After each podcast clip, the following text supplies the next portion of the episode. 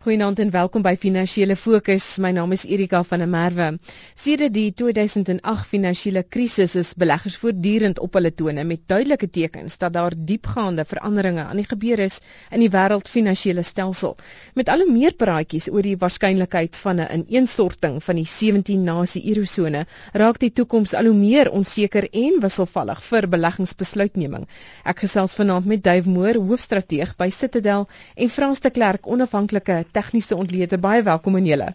Hallo Erika. Dank Erika. Daai wat ek interessant vind, mense wat al lank in die mark was, as jy kyk na die groot beleggers soos iemand soos Warren Buffett, hulle raak nie paniekerig as hulle sien dat daar nou skielik 'n groot ineenstorting kom in 'n sekere mark of 'n sekere bateklas nie. Vir hulle is dit gewoonlik 'n koopgeleentheid. Nou, hoe voel jy oor al hierdie skommelinge? Ja, Erika, as as ons gaan kyk, moet 'n mens altyd baie versigtig wees om nie voortdurend uh die einde van die wêreld te voorspel nie. Jy weet, eh, 'n uh, kollega van my het nou eendag vir my gesê nadat ek iets geskryf het, uh, ek sien jy uh, bevestig nou net weer eens dis uh, dis nog nie die einde van die wêreld nie. Hoewel tye baie onseker is tans en jy het verwys na wat gebeur in Europa, is dit so dat uh, jy weet ekonomiese groei internasionaal is nog positief op hierdie stadium, hoewel dit afneem uh, oor 'n baie breë front. En dan tweedens moet ons ook aanvaar dat as ons kyk na hierdie ekonomiese siklus wat ons op die oomblik in is, dan is dit so dat uh, die wêreld sukkel nog steeds met die skuldkrisis wat begin het in 2007 en 2008 en ons sien nog duidelik die uitwerking daarvan op die ekonomiese opswaai en dit is een van die swakste opswaaie wat ons nou al, al gesien het in die afgelope klompie dekades. So dit dit is 'n swak opswaai, uh, maar ons bly nog steeds positief dat daar nog wel 'n ekonomiese opswaai internasionaal aan die gang is. So Frans wat Dave ekonomies kyk en, en na die groot bateklasse, kyk jy tegnies na die saak. Wat sien jy? Kan jy langtermyn kyk na die gebeure en en reken wat jy dink gaan in die toekoms gebeur? Erika, as 'n mens na die grafieke kyk, dan dan gebruik ons as 'n mens nou na 'n langtermyn prentjie kyk, gebruik ons die eenvoudige 200 dae bewegende gemiddelde. En dit is 'n gemiddelde wat oor tyd en en selfs fundamentaliste gebruik daardie gemiddelde om hulle te waarsku, is die mark in 'n opfase of is die mark in 'n daalfase? En as ons na ons plaaslike indeks byvoorbeeld kyk, want dit is waar die meeste van ons plaaslike beleggers hulle geld plaas, is daardie 200 dae bewegende gemiddelde eers op die vlak van 32600. Nou die indekskarring nou hier net oor die 33000. Met ander woorde, wat dit vir jou uit 'n tegniese oogpunt uit sê, is dat as die mark bo daardie 200 dae bewegende gemiddelde beweeg, ongeag watter nuus in die wêreld waar is, dan is die ingeligte kapitaal nog steeds besig om die mark te ondersteun en hulle is nog steeds positief oor die mark. En as ek nou 'n tendenslyn trek en 'n 'n tendenslyn is 'n is 'n lyn wat die ondersteuning van die mark uitwys. Nou hierdie tendenslyn loop van hier van Maart 2009 en ons het so terugtrek gehad hierso middel 2011 en daar waar ons nou is, kom ons interessant genoeg op dieselfde plek uit as die 200 dae bewegende gemiddelde.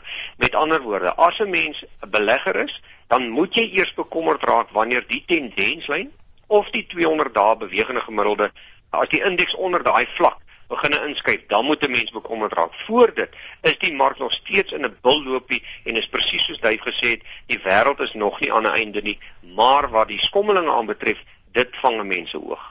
Maar Dave, as daar lande is wat die Eurozone verlaat, kan dit dalk miskien na aan die einde van die wêreld wees of dink jy die die politieke wil om om daai daai ding aan aan die gang te hou, aan mekaar te hou, is te sterk? Uh, Erika, die hele probleem in die Eurogebied is is eintlik baie ingewikkeld. Uh, ek is persoonlik van opinie dat uh, sekere lande behoort die eurogebied uh, te verlaat en ek ek dink uh, Griekeland is is die eerste een. Ek dink hulle hele ekonomie is een wat nie uh, inpas by die soort van die Noord-Europese model wat gebruik word vir die euro nie.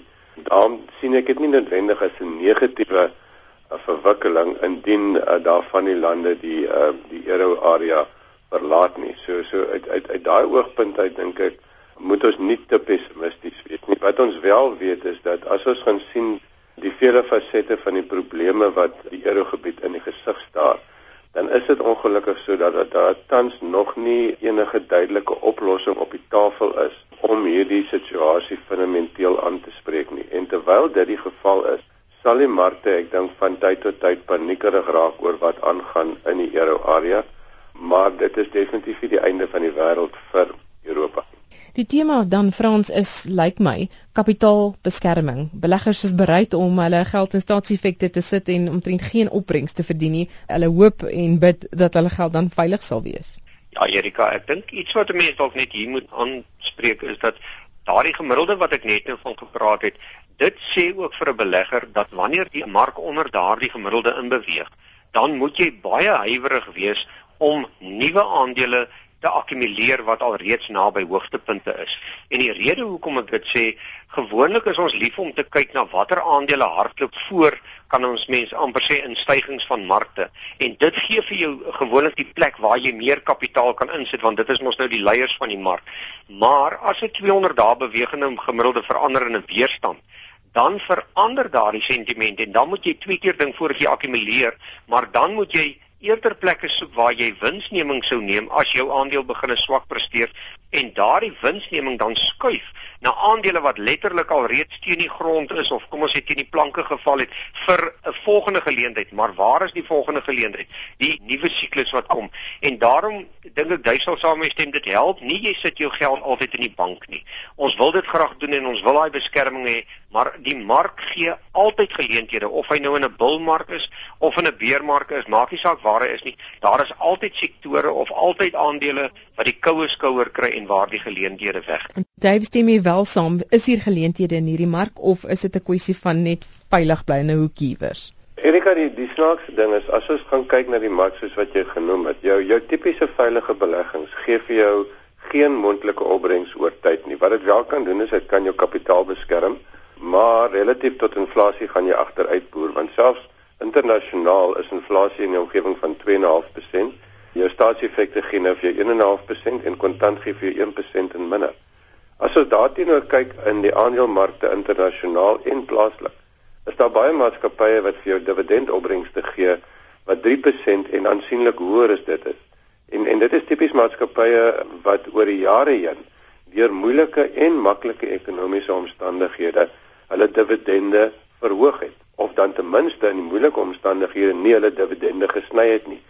So uh, ons ontleding wys vir ons daarop dat dit is nou tipies die tyd wat 'n mens die meer riskante tipe beleggings het, moet sê aandele moet oorweeg want jou jou jou opbrengste daarop lyk baie meer belovend as die karige opbrengste wat 'n mens gaan kry uh, op kontant. En en selfs in Suid-Afrika, jy weet, kontant gee vir jou net oor die 5%. Inflasie is is 'n omgewing van 6%.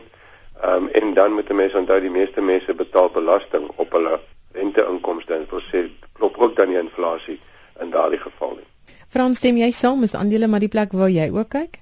Ja, Erika, ehm um, jy het eintlik nie veel van 'n keuse nie en dis presies wat hy sê, ehm um, om baie keer sonder risiko te leef is amper 'n groter risiko as wat jy nie risiko neem nie. Jy moet op sekere plekke moet jy bietjie risiko neem. En as jy dit gaan minag, dan gaan inflasie outomaties jou kapitaal opvreet oor tyd. So jy moet kyk na geleenthede. Al is dit hoe moeilik, maar dit is altyd om 'n toekomsbril op te sit om te sê ek gaan dalk nou vir 6 maande of 'n jaar of 2 jaar dalk selfs verkeer wees, maar dit is die plekke waar ek moet kyk vir 'n volgende siklus. Dave, maar wat as jy 65 jaar oud is en kan 'n mens nog bekostig om daai tipe risiko te neem afhangende van hoe mens nou die saak sien? Erika, as jy mens 65 jaar oud is en uh, ek is nie meer ver daarvan nou nie, dan moet 'n mens onthou dat jy kan nog maklik vir 20 jaar lewe en en jy afhanklik is uh, dalk nog langer as dit. So uh, jy weet wat ons van praat is oor 'n 20 jaar periode moet jy baie versigtig wees oor wat inflasie kan doen aan die koopkrag van jou beleggings. So tipies so 'n belegger dink ek sal nog altyd 'n sekere gedeelte moet blootstel aan aan aandele. Hoe ouer die persoon, hoe kleiner kan daardie gedeelte wees wat blootgestel word, maar dit hang af van elke persoon se persoonlike situasie in terme van hulle finansies en hulle uitgawes. Frans binne aandele dan, waar plaas jy jou geld en en waar bly jy waarvan bly jy heeltemal weg?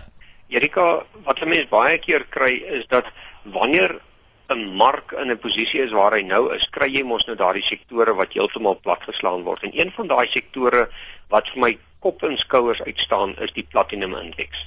Ek weet dat die vraag na platinum is beslis besig om te daal en met Europa is daar groter druk op die platinumprys wat outomaties die aandele onder druk moet plaas. Maar daar is aandele soos byvoorbeeld 'n Lonmin en nou praat ek sommer van hom want hy's in die platinum indeks. Hulle het baie probleme, maar daardie aandeel karring met sy laagtepunte wat ons laas in 2008 gesien het. Nou, wat ek vir jou sê is jy het nou een van twee scenario's. As hy by sy 2008 laagtepunt na onder sou breek, dan haal hy daai laagtepunt uit wat beteken hy kan laer gaan. Maar soos Duif ook sal vir jou sê, niemand van ons kan ooit 'n ideale laagtepunt of 'n ideale hoogtepunt in die mark kies nie. Wat ek gewoonlik sê is 'n tegniese analis is baie goed om 'n hoogtepunt raak te sien. Hoekom? Want hy kan volgens sekere modelle sien wanneer die ingeligte kapitaal die mark verlaat. Maar 'n fundamentalis sal baie gou vir jou kan sê hier bied 'n aandeel waarde aan 'n onderpunt en daarom staan 'n aandeel soos Lonmin vir my uit. Hulle sit met die ertsliggame op 'n dag en dit is nou werklik so platinum kan nie van die aarde af verdwyn nie en sy rol in die wêreld se ekonomie kan nog nie afgeskryf word nie. So op 'n dag gaan ons op 'n punt kom waar die platinum aandele stelselmatig nie meer wil val nie. Nou heidaglik is dit nog nie die geval nie. Hulle val nog. Maar dit is een van die plekke waar 'n mens klaar kan begin jou versuur op plaas en sê goed, kom ons kyk waar konsolideer daardie aandele, maar kom ek hou kapitaal reg om hulle te koop wanneer hulle begine draai. Maar Wat doen 'n belegger wat nou nie glad nie tegniese analise gebruik nie? Hy sê vir homself, ek wil miskien my blootstelling oor die volgende 2 jaar of 3 jaar in platinum uitbou en dan koop hy stelselmatig vir hom 'n bietjie aandele, miskien elke maand of elke tweede maand en dan outomaties kry hy die geleentheid om die laagtepunte stelselmatig bymekaar te maak en om wat ek nou bedoel baie klein blootstelling aan daardie sektor te gee en as daai sektor draai, dan is hy al reeds in daardie aandele vir die toekoms. Dave, watter geleenthede sien jy? Jy het gesê mens kan nie die risiko neem om nie jou geld in in riskante, sogenaamde riskante bateklasse soos aandele te plaas nie, maar waar sien jy nou waarde? Amerika mens kan op, op twee maniere na kyk. Jy kan kyk uh, watter aandele het die laaste tyd geweldig baie gedaal en uh, soos wat Frans genoem het, hulpbron aandele het ontsettend swak gedoen die laaste tyd. So daar's daar's definitief dink ons geleenthede binne in die hulpbronne sektor en jy weet ek gaan my nie uitspreek oor oor spesifieke aandele nie, maar as ons dan kyk na ons algemene mynhuise, die grootes wat baie bekend is, weet lyk dit asof dit as 'n mens 'n bietjie langer termyn kyk, baie goeie waarde kan bied. Dan is daar ook uh, binne jou nywerheids- en finansiële sektore is daar van daai aandele wat ek genoem het wat op baie aantreklike dividendopbrengste staan en waar die verwagting is dat uh, dividende, jy weet, volhoubaar sal groei oor tyd. Selfs ons ons banke, as ons kyk wie die banke deur 'n moeilike tyd gegaan, hulle is in 'n herstelfase dink ons en dat dit jy weet byvoorbeeld banke bied nog steeds vir ons goeie waarde. Daai wat ek deurlopend van jou af hoor, is is, is tema van kyk langtermyn, moenie vasgevang raak in die onmiddellike krisisse en, en vrese nie. Nee, dit is dit is so Erika, as 'n mens as mens korttermyn gaan kyk, uh, het ek uh, soos ek vroeër toegegee het, is dinge baie onseker. Die die mark gaan teleeggestel wees met die pogings in Europa om hulle probleme op te los van tyd tot tyd. Maar soos wat ons gesê het, dit beteken nie dat uh Europese maatskappye gaan gaan verdwyn van die aardbol af nie. Jy weet, hulle mense gaan nog steeds in die oggend opstaan, gaan werk, maatskappye gaan nog steeds uh produkte en dienste verkoop en wins te maak, jy weet, en dit wil vir ons voorkom as 'n mens dan 'n bietjie langer termyn kyk dat 'n mens hierdie maatskappye teen baie billike pryse kan koop, uh internasionaal en ook baie van hulle plaaslik. Frans, jou finale woorde is ek weet dit is altyd 'n aanduiding as ek vir jou vra op hoeveel kontant sit jy tans? Hoe bang is jy vir hierdie mark? Erika, uh, my kontant blootstelling op die oomblik is net so oor die 60-65%. Ek het nog omtrent so 30% in die mark en ek word absoluut gerig deur daai 200 dae bewegende gemiddelde. Heidiglik sien ek die mark nog steeds positief, maar as die mark so draai onder daai lyn beweeg, dan soek ek ongeag watter aandeel ek het, as hy goed presteer het die laaste 3 jaar, dan soek ek 'n geleentheid om wins vas te sluit en dan gebruik ek die lopies om dit te doen. En die oomblik wat die bewegende gemiddelde nou weer 'n steen word dan raak ek weer 'n bietjie gerus maar ek gebruik suiwer daai langtermyn bewegende gemiddelde om daai besluit vir my te neem. Hoekom dan haal dit die emosie uit my uit en ek kan nie vasgeklou aan die aandeel sit nie. En die grafiek neem vir my die besluit en dan wag ek weer vir 'n ander aandeel sê nou maar soos 'n platinum indeks aandeel om vir my te sê hier is 'n koopgeleentheid en ons skuif ek stelselmatig van daardie kapitaal daarin en nou kan ek basies sê dat van daardie 30% wat ek omtrent in die mark het is al reeds omtrent 'n 3 of 'n 4% in die platinum indeks. Frans en Dave, baie dankie en daar hoor ons dit van albei gaste haal die emosie uit die beleggingsbesluite uit. Dave Moore is 'n hoofstrateeg by Citadel en Frans de Klerk is 'n onafhanklike tegniese ontleder. My naam is Erika van der Merwe. Dankie dat jy saam geluister het. 'n Kollega van my sal volgende Sondag aan se program behartig en ek wens jou 'n geseënde week vorentoe. Totsiens.